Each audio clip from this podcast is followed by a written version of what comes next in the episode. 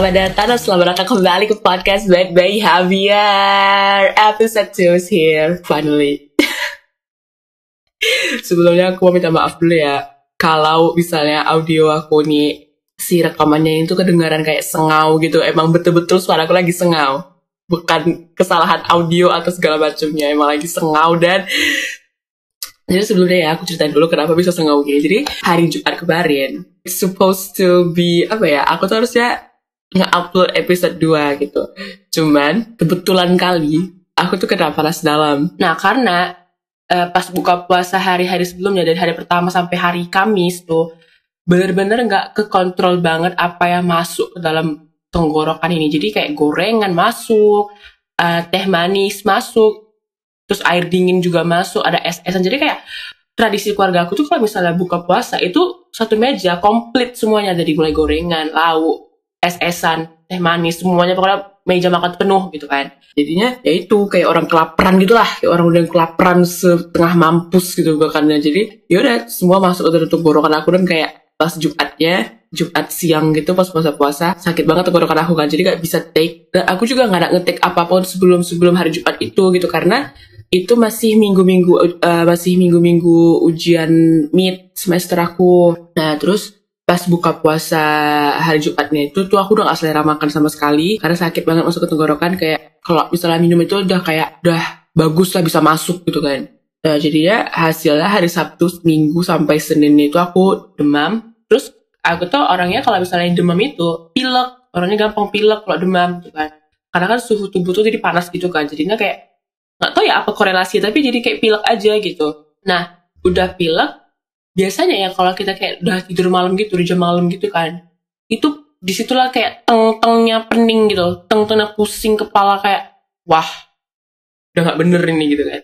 Terus jadi Ira dari hari Jumat Sabtu Minggu sampai sebenarnya hari ini juga masih masih kayak not unstable condition tapi kayak aku udah bosen bed rest aja gitu. Aku soalnya disuruh mama udah kau tidur aja nggak usah ngapa-ngapain jadi aku tuh kayak bed rest dan betul-betul gak ada ngerjain apa pun perihal podcast gitu kan. Itulah kenapa aku tuh ngerasa bersalah sama diri sendiri karena aku tuh udah janji sama diri aku sendiri kalau misalnya podcast itu diupload setiap Jumat. Jadi episode baru tuh tiap Jumat tuh ada. Nah ini nggak ada sama sekali dan aku nggak ada ngepost apa pun soal episode 2 gitu. Jadinya ini hasilnya sengau.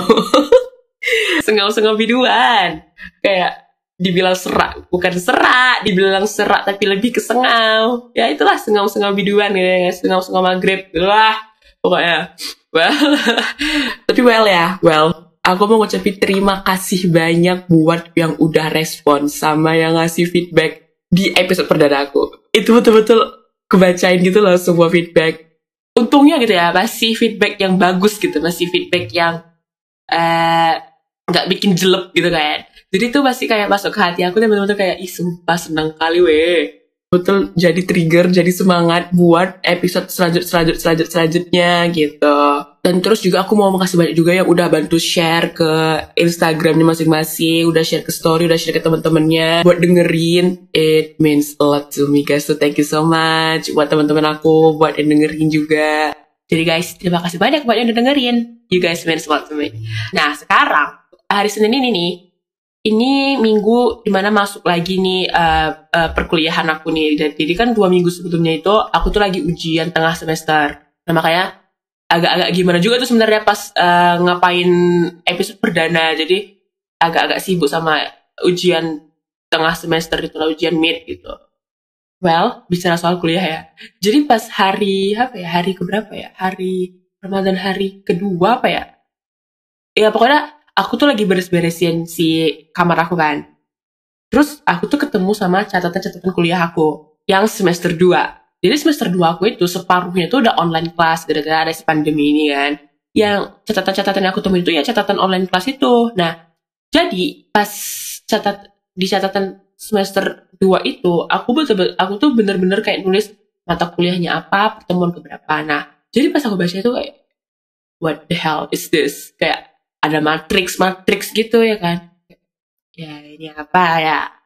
Apa ya gitu kan? Biasanya kan kita kalau sudah baca sesuatu gitu kan terus kita tuh kayak refleks oh ini tuh pelajaran ini nih tentang ini ini aku sama sekali nggak ada. Entah karena sumsum tulang belakangku udah nggak bekerja makanya refleks juga nggak ada. Eh tapi apa? Ada nggak sih hubungannya sumsum tulang belakang sama refleks? Ada lah ya Wea ya? kayaknya ada sih. Eh, jadi bingung aku. Udahlah ini nih.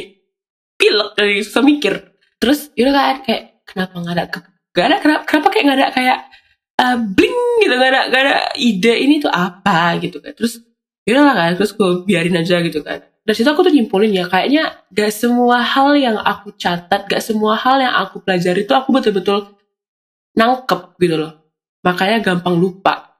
Dan sekalian aja ya aku kasih tahu juga aku tuh mahasiswi semester 4 di jurusan matematika dan disclaimer besar-besaran ini ya. Bukan berarti pas aku bilang aku tuh jurusan matematika kayak kayak semua the whole world of math itu aku tahu ya. Kayak aku paham aku pakem di situ. Enggak enggak ada itu semua. Karena pun aku tahu kapasitas aku juga gitu loh. Jadi aku suka matematika iya. Tapi kalau untuk mendalami kayak analisis karena matematika di perkuliahan itu pakemnya adalah analisisnya bukan sekedar kalkulasi aja sedangkan ekspektasi aku adalah kalkulasi doang gitu enggak gak gak yang terlalu into ke analisisnya analisisnya ada cuman kayak aku tuh nggak nggak kepikiran tuh bakal seper, se, sedijabarin itu gitu. Jadi kenapa aku milih kuliah di jurusan matematika kalau misalnya aku nggak terlalu suka yang analisisnya. Jadi background itu gini, jadi uh, aku mau bragging sedikit ya, apa ya, aku mau flexing lah gitu kan. jadi aku tuh selama dari dari SMP sampai SMA itu boleh dibilang ya, boleh dibilang dan boleh juga tanya sama teman-teman SMP sama SMA aku. kalau misalnya aku tuh uh, I'm I'm an ace in math gitu loh. Jadi kalau sama matematika, pelajaran matematika, jangan, jangan pernah kalian remehkan aku untuk kalangan SMP dan SMA ya. Tolong, oke? Okay?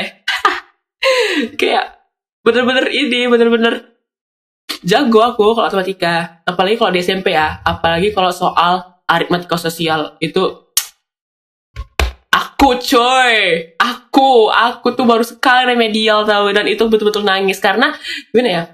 Aku kan pas SMP tuh swasta. Jadi guru aku tuh emang guru guru matematika aku tuh emang ngeset si KKM matematika itu setinggi itu 80 we menurut aku itu udah tinggi ya gitu. Jadi kayak dapet di 80 itu emang betul-betul agak-agak bisa digapai dan tidak gitu kan. Jadi aku tuh pernah dapat nilai itu kurang ajar banget sih.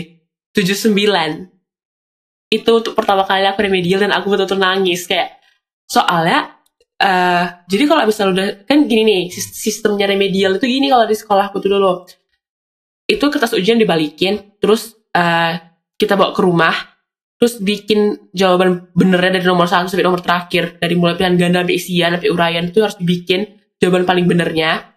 Abis itu minta tanda tangan orang tua. Bagian itunya tuh yang paling aku tuh kayak astagfirullah ini kayak mana mintanya? Karena aku orangnya gimana ya aku tuh gak seumur hidup seumur hidup aku SD sampai SMP track record remedial aku tuh ya belum ada kecuali itu gitu. Jadi oh SD pernah sih? SD pernah aku remedial pelajaran apa pelajaran fikih. Kalau soal MM aku tuh gak pernah remedial sama sekali gitu kan. Nah pas SMP tuh itulah kayak yang 79 terus nih gimana minta sama mama nih ya? Aku tuh kalau minta sama ayah tuh tanda tangan tuh aku males gitu karena takutnya dimarahin gitu kan. Kalau sama mama tuh pasti kayak yang kenapa nilai bisa kayak gini? Pasti kau nggak belajar ya ini ini ini ini ini ini. Yang disalahin tuh nanti proses main aku kayak misalnya main handphone gitu kan.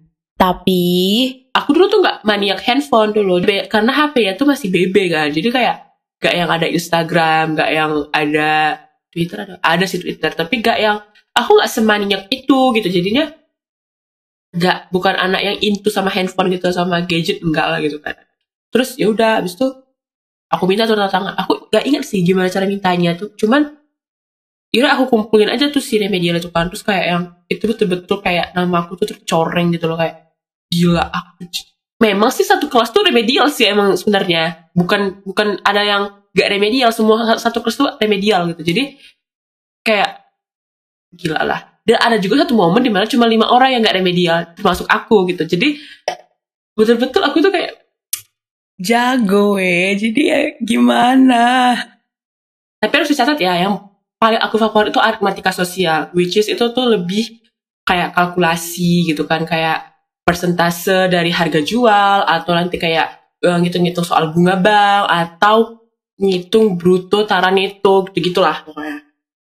Nah terus pas SMA juga sama. Aku tuh juga jago tuh di matematika kan. Jadi kan kalau pas di SMA itu matematika tuh ada dua kan. Kalau yang anak IPA jadi ada ada matematika wajib sama matematika peminatan atau matematika IPA gitu kan. Nah itu aku juga jago. Boleh ditanya sama temen aku boleh boleh kali pokoknya apalagi teman sebangku aku ya Shadow tuh Rara. Tanya aja sama dia gimana track record aku. Di matematika SMA gitu kan. Apalagi kalau gurunya itu namanya Pak Dedi jadi bapak ini tuh betul-betul yang buat aku tuh terbuka, terbuka kali pikiran aku sama matematika gitu karena dia ngajarnya itu tepat. Jadi ya kalau misalnya kita tuh ketemu sama guru yang tepat dengan metode cara yang tepat untuk belajar matematika kau bisa ngerti dan paham pelajaran itu dari segi apa pun gitu kalau ketemu sama orang yang tepat dan metode yang tepat. Orang di sini tuh maksudnya gurunya ya gitu ya yang ngajarin gitu. Jadi kau tuh bakal cepat paham matematika dari seluk beluk mana pun gitu. Tapi belum masuk ke analisis itu si matematika SMA gitu kan. Dan Pak Dedi ini juga lah yang buat aku tuh terinspirasi buat ambil jurusan matematika. Walaupun sebenarnya aku tuh lebih apa ya konsennya aku tuh lebih ke statistika gitu kan tapi sayangnya di kampus aku yang sekarang program studi statistika itu tuh cuman ada untuk D3 sedangkan aku udahlah aku nih si alumni gap year gitu kan. Kan nggak mungkin lagi ambil kayak misalnya aku ambil D3 ini aku paksain gitu kan. Terus ambil lagi nanti untuk S1 nya 2 tahun. Jadi kan agak lama ya gitu kan. Agak-agak buang-buang waktu gitu. Jadi ya udahlah ambil aja jurusannya itu yang ada relasinya nih sama si statistika ya. Itu ya ya udah matematika dong ya kan? Jadi aku masuk lah di jurusan itu. Yang ternyata sangat wow sekali. Ini aku bukan bahas soal tentang materi atau mata kuliahnya aja ya tapi lebih kepada lingkungannya bahkan. Kayak kau nggak bisa expect suatu jurusan yang kau kira kayak oh mungkin kalau aku masuk di jurusan ini tuh bakal tenang-tenang aja. Aku bakal jadi orang yang kalem aku bakal jadi orang yang nggak uh, hektik aku gak bakal jadi orang yang super sibuk di luar dari uh, kewajiban untuk belajar gitu kan. Itu semua jangan pernah pasang ekspektasi yang kayak gitu gitu. Jangan pernah pasang ekspektasi yang kayak begitu. Karena itu semua nggak ada. Pas kau udah masuk ke perkuliahan ya gimana ya bilangnya apa yang kau mau kau tuh gak akan pernah dapet gitu loh. Ini konteksnya dalam ini ya. Ini konteksnya itu adalah berkehidupan di kampus ya bukan uh, masalah nilai atau akademis gitulah bukan. Kayak aku bilang tadi lah aku tuh aku tuh berekspektasi gini dulu ya soal masuk ya iya anjir lah aduh. Ya bangsat. Jadi pas aku awal masuk itu aku pikir kayak anak matematika tuh bakal kayak yang rajin baca buku kayak maksudnya ini dalam keseluruhan ya bukan cuman satu dua orang. Karena kan ini matematika gitu kan. Aku pikir kayak bakal banyak diskusi kayak misalnya dari lorong gitu kan diskusian gitu atau apalah segala macem gitu. Ya mungkin ada ya tanpa aku nampak gitu kali ya. Tapi kayak most of the time saya aku nampak tuh ya kayak apa ini? Gitu loh karena ya belum apa-apa gitu kan. Pas aku masuk itu udah ada aja gitu nanti kayak bisikan-bisikannya. Ya kayak jangan kayak begini begini begini nih sama yang ini ini. Jangan kayak gini gini nih sama si ini ini. Boy aku tuh anak baru di sini. Jadi kalau tiba-tiba kalian doktrin anak baru sama hal-hal yang udah kalian rasa itu benar tanpa dia cari tahu sendiri itu gimana itu sama aja kok tuh kayak apa ya? Toxic gitu jadinya. Nah itu lagi lah jadi aku pikir juga di matematika itu di khususnya di kampus aku ya ini aku highlight kali ini. Jadi kalau misalnya ada yang denger nih dari anak kampus ya ini keresahan aku gitu loh. Ini ini yang aku kayak udah pendem dari semester satu woy. Jadi kalau kalian tuh ada yang ngerasa sama let's discuss it ya. Jadi aku pikir ya namanya juga matematika gitu kan. Less drama less toxic ternyata ekspektasi itu terpatahkan saat itu juga gitu loh. Di semester satu itu juga terpatahkan langsung gitu loh. Tapi aku nggak bakal spesifik ceritain ya masalahnya tuh apa dan sebabnya kenapa gitu kan. Di episode ini nggak tahu lah ya kalau episode selanjutnya aku bakal spill apa enggak tapi balik lagi ya kadang-kadang masalah yang muncul itu kadang itu cuman karena dikompor-komporin aja gitu loh. Padahal sebenarnya aslinya masalah itu kecil gitu loh bisa diselesain di hari itu juga. Tapi ya you know lah banyak orang-orang yang kayak suka tahu nggak sih? Tahu nggak sih? Gitu-gitu loh. Kayak ada bumbu-bumbu apa ya hiperbola di situ. Jadi dia makanya besar tuh masalah jadinya gitu. But itulah syukurnya ya syukurnya aku tuh berada di circle pertemanan yang gak banyak kayak gitunya gitu loh. Menurut aku nih ya ring satu pertemanan aku di kampus itu udah terfilter dengan baik gitu loh. Jadi kayak aku tuh punya geng geng gitu lah di kampus gitu kan. Terus juga ring satu aku tuh termasuk juga teman sekelas aku gitu loh. Anak kelas genap aku tuh kan soalnya kami di kampus tuh dipisahin kelasnya gitu kan. Jadi ada kelas A kelas B. Dipisahinnya tuh berdasarkan nomor NIM. Jadi kalau misalnya nomor NIM-nya tuh ganjil itu di kelas A. Terus kalau nomor NIM-nya genap itu di kelas B gitu kan. Jadi NIM aku tuh kan genap ya kan. Jadi aku di kelas B.